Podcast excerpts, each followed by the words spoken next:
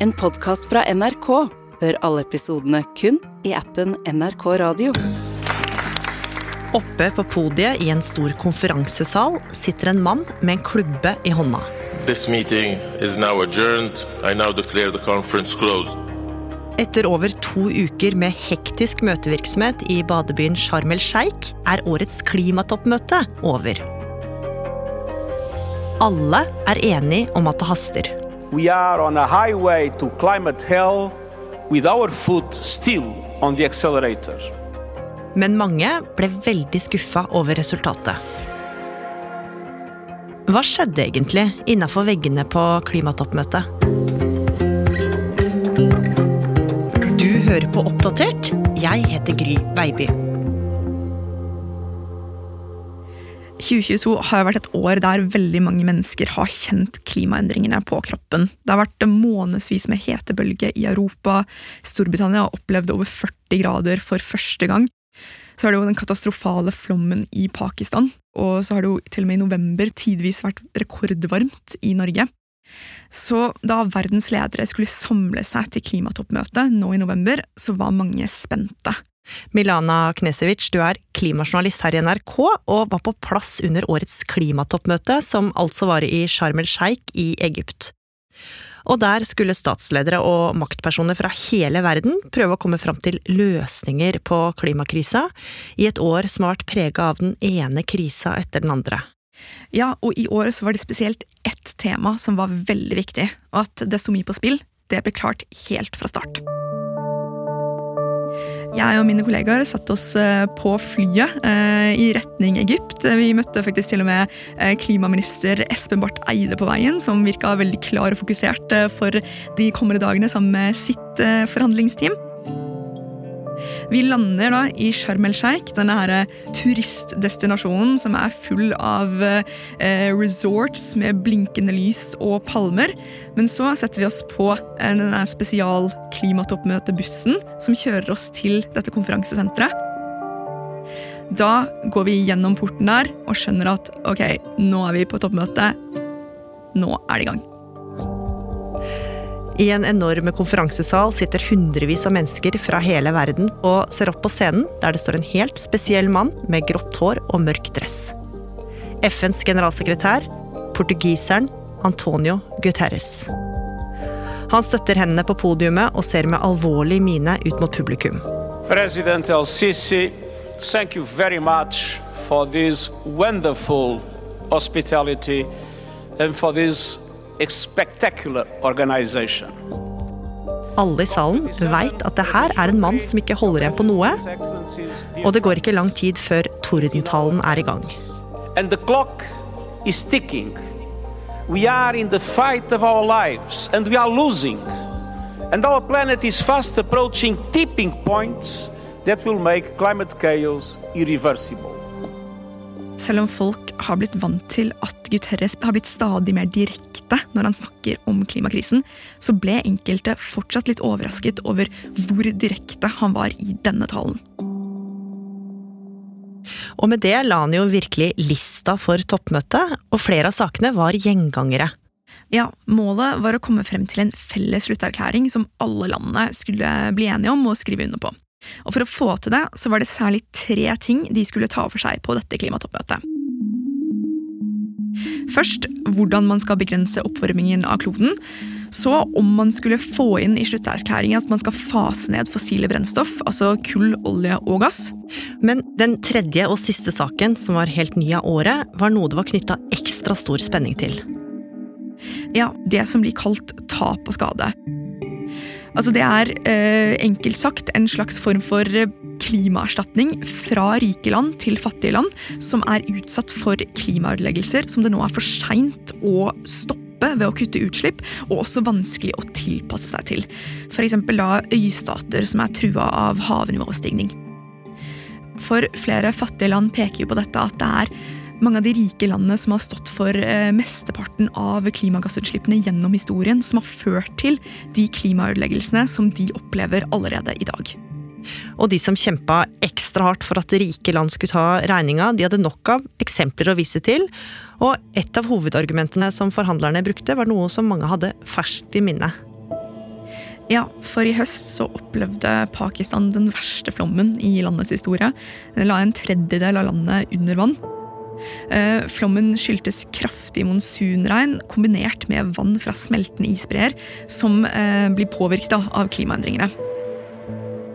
Flommen krevde 1500 menneskeliv, og ødeleggelsene fikk en eh, anslått prislapp på 10 milliarder dollar. Og Pakistan som et fattig land hadde jo ikke sjanse til å betale for det selv, og forhandlerne viste til at det her var noe som skjedde annet som følge av klimaendringene. Og selv om mange var enige om at det trengtes, så var det uenighet om hvordan det skulle gjøres. Ja, og noen land, bl.a. mange stillehavsland og afrikanske land, ønska seg et nytt fond, der de rike landene skulle betale inn penger som utviklingslandene kunne bruke til å håndtere skadene som kom av klimaendringer. Og en som kjempa ekstra mye for akkurat denne løsninga, det var presidenten på den lille øystaten Palau i Stillehavet, som på ingen måte fant seg i at de rike landene ikke bidro. Og Milana, det her var jo en mann som var kjent for å ikke gå stille i gangene. Nei, i fjor så sa han fra talerstolen at eh, verdenslederne kunne like gjerne bombe hjemlandet hans istedenfor å la de lide en lang og pinefull død som følge av klimaendringene. Og under en av årets debatter om tap- og skadeordningen så gikk han opp på talerstolen og fortalte om hjemlandene som er preget av stadig økende havnivåer, høyere temperaturer og generelt store klimaendringer. The climate crisis is tearing us apart, limb by limb. We should no longer be held hostage to fossil fuels. Today, we are calling for those who are the largest emitters of pollution to take responsibility for the damage they cause. Og som mange hadde forutsett, så ble det et vanskelig tema. Det var jo veldig høy møteaktivitet eh, på dette toppmøtet. Man så liksom klimaministre løpe fra møte til møte, inn og ut av forhandlingsrom i forskjellige konstellasjoner, forskjellige land. Og det ble jo ganske snart tydelig at dette med tap og skade Ja, ok, de hadde blitt enige om å sette det på møteagendaen for aller første gang, men det var ikke lett å finne en løsning som alle kunne stille seg bak. Og etter noen dager med intense forhandlinger skulle landet som ønska seg et fond, møte enda mer motstand. For mange rike land frykta konsekvensen av et sånt forslag. Ja, for veldig mange vestlige land var skeptiske til å inngå en avtale som gjorde at de påtok seg ansvaret for klimaødeleggelsene i utviklingslandene. Mange land var rett og slett redde for å havne i klimarettssaker, eh, og havnet da i et dilemma. Hvordan kunne de egentlig love penger til disse landene, men samtidig ikke ta på seg skylden for klimaødeleggelsene? Og så frykta flere land at debatten om tap og skade ville dra fokus vekk fra å snakke om å få ned utslippene. Men det gikk ikke bare seigt for seg i forhandlingsrommene, men også utafor, fordi mange deltakerne merka fort at under dette klimatoppmøtet så var det noe helt essensielt som mangla. Ja, jeg har vært på klimatoppmøte en del ganger nå, og det pleier å være haugevis med demonstranter, folk som marsjerer i gatene. På, klimatoppmøtet i fjor så var det en svær demonstrasjon som tok over hele Glasgow by. Men uh, i år så var det omtrent blotta for demonstranter og aktivister. Det var uh, noen få som var inne på området på veldig liksom, fastsatte steder, små demonstrasjoner, mens ellers var det veldig stille. Og Grunnen var jo at egyptiske myndigheter hadde gjort det ganske tydelig i forkant at det ikke var like stort rom for demonstrasjoner under årets møte, og flere skal i forkant av møtet ha blitt arrestert for planlegging av demonstrasjoner. Men selv om vertslandet Egypt hadde gjort alt de kunne for å stoppe demonstrantene i å få spre budskapet sitt, så lot de seg ikke stoppe. De unge aktivistene innså at de måtte finne en ny måte å få fram budskapet sitt til makthaverne på. Og nå begynte man å se mer av at aktivister oppsøkte maktpersonene direkte under toppmøtet.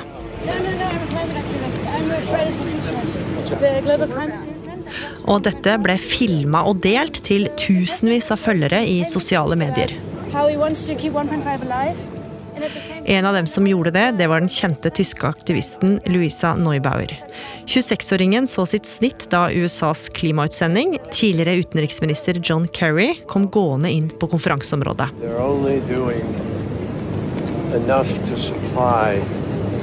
keep the economies from crashing while we transition. Med mobilen i hånda filmer hun oppover så man så vidt ser ansiktet til John Kerry mens de begge går, og konfronterer han med USAs investeringer i ny gass. Yet any extension of fossil fuel industries, especially oil and gas, is, according to the IEA, endangering 1.5 degrees. So. Også norske aktivister syntes det var frustrerende at de ikke kunne demonstrere som vanlig. Vi som aktivister blir jo litt rådville når vi ikke kan eh, være så anklagende kanskje som vi pleier å være til vanlig. Eh, for vi opplever det som veldig produktivt når man demonstrerer, at man har noen å skylde på. Og det kunne vi jo ikke gjøre her. Det er jo selvfølgelig eh, skuffende å tenke at vi ikke får de svære demonstrasjonene som har vært tidligere. Men selv om aktivistene kjempa med nye midler, så var det fortsatt lite framdrift i forhandlingene. Og mange begynte nå å frykte at klimatoppmøtet rett og slett skulle ende med tilbakeskritt, med landet. Ja, blant annet mente flere nordmenn at det var mye som manglet i forslagene til slutterklæringen, altså denne avtalen som man skal sitte igjen med til slutt, som alle landene må være enige om før man kan eh, banke i hammeren og avslutte møtet. De diskuterer forslaget til avsluttende vedtak, og sammenligner med forrige klimatoppmøte. Det er ikke sterkt nok. Eh, det er eh, dårligere enn Glasgow. Hva var det de mente mangla? Altså, En stor seier fra forrige toppmøte var jo at man ble enige om at det var 1,5-gradersmålet man skulle strekke seg etter. Altså det at man skal begrense jordas oppvarming til eh, maks 1,5 grad. Men nå kom det signaler om at det var noen land som ikke syntes at det var like viktig. Og det ble mange ekstremt bekymra over og det spøkte for en enighet om hvordan man skulle forholde seg til nedfasing av fossile brennstoff, og partene sto også fortsatt langt fra hverandre på hvordan man skulle løse tap- og skadespørsmålet. Og etter to uker med hektisk møtevirksomhet så var tida i ferd med å renne ut for klimatoppmøtet. Ja, og samme da som møtet egentlig skulle være ferdig, begynte virkelig den norske delegasjonen å bli usikre på om møtet ville få landa gode nok avtaler. Det store klimatoppmøtet i Egypt skulle vært avsluttet i dag, men fristen for å bli enige om nye tiltak er utsatt med minst ett døgn. Klima- og miljøminister Espen Barth Eide sier det er for tidlig å si om konferansen blir en suksess eller en fiasko. Så forhandlingene de fortsatte på overtid. Og timene gikk, og det ble enda en lang natt for forhandlerne. Og dagen etter, lørdagen, ble det heller ingen enighet. Det var fortsatt stor avstand mellom partene. Men søndag morgen, nesten to dager på overtid, så kom nyheten. Klimatoppmøtet i Egypt ble avsluttet i morges.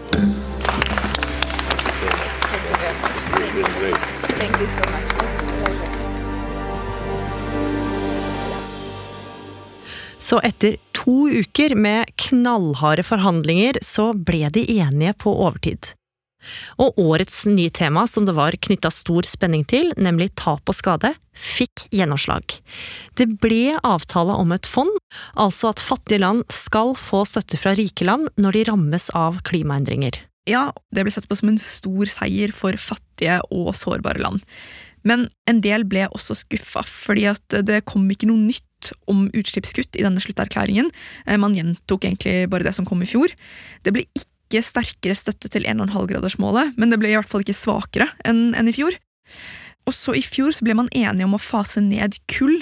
Det består også i denne slutterklæringen, men olje og gass ble fortsatt ikke nevnt i denne erklæringen. Og noe av grunnen til det, som kom fram etter at møtet var ferdig, var at mange av oljestatene i Midtøsten ikke ville fase ut fossil brensel. Og det ville heller ikke land som var i ferd med å bli moderne industriland. De mente rett og slett at de også måtte få sin del av kaka og få slippe ut mer mens de har sjansen. Så det er jo tydelig at partene står langt fra hverandre. Men Milana, hva har man egentlig fått ut av årets toppmøte, og hva vil det ha å si framover? Ja, altså Disse toppmøtene her får jo eh, en del kritikk for å være mye prat og lite handling, og at det virker som det er lite som skjer. Men tross alt så er det den eneste arenaen hele verden har for å samles for å sammen prøve å finne en løsning på klimakrisa, som jo i aller høyeste grad er en global krise som egentlig kun kan løses ved at alle landene jobber sammen. Og så får vi jo se da, hva eh, de konkrete eh, virkningene av det de har blitt enige om på dette toppmøtet blir. Men én ting er i hvert fall sikkert. Neste år så skal de møtes igjen, eh, og da i Dubai.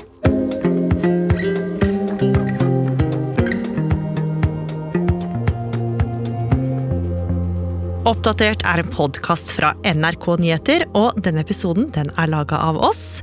Research og regi Hanna Kolås. Teknikk og lyddesign Pål Gauslo Sivertsen. Espen Bjørlo Mellem. Vaktsjef Lars Hægeland. Og jeg heter Gry Veiby. Programredaktør er Knut Magnus Berge. Klippene du har hørt, er fra FN, Louisa Neubauer og NRK. Har du tips eller innspill, send oss en e-post, da. Adressen er oppdatert krøllalfa nrk.no. Og du, liker du det du hører, så må du gjerne tipse en venn om oss. I det lange løp er tilbake i vinterdrakt. Jeg, Jan Post, og min makker Christian Ulriksen vil hjelpe deg å komme i form med gode råd fra løpere, vintersportsutøvere og eksperter på utholdenhetstrening. Hardt arbeid slår talent ti av ti ganger i, i det lange løp. Sånn er det bare. Du ser et annet stimuli på hjertet og på muskulaturen din. Hun er en av de beste gjennom alle tider! I det lange løp hører du kun i appen NRK Radio.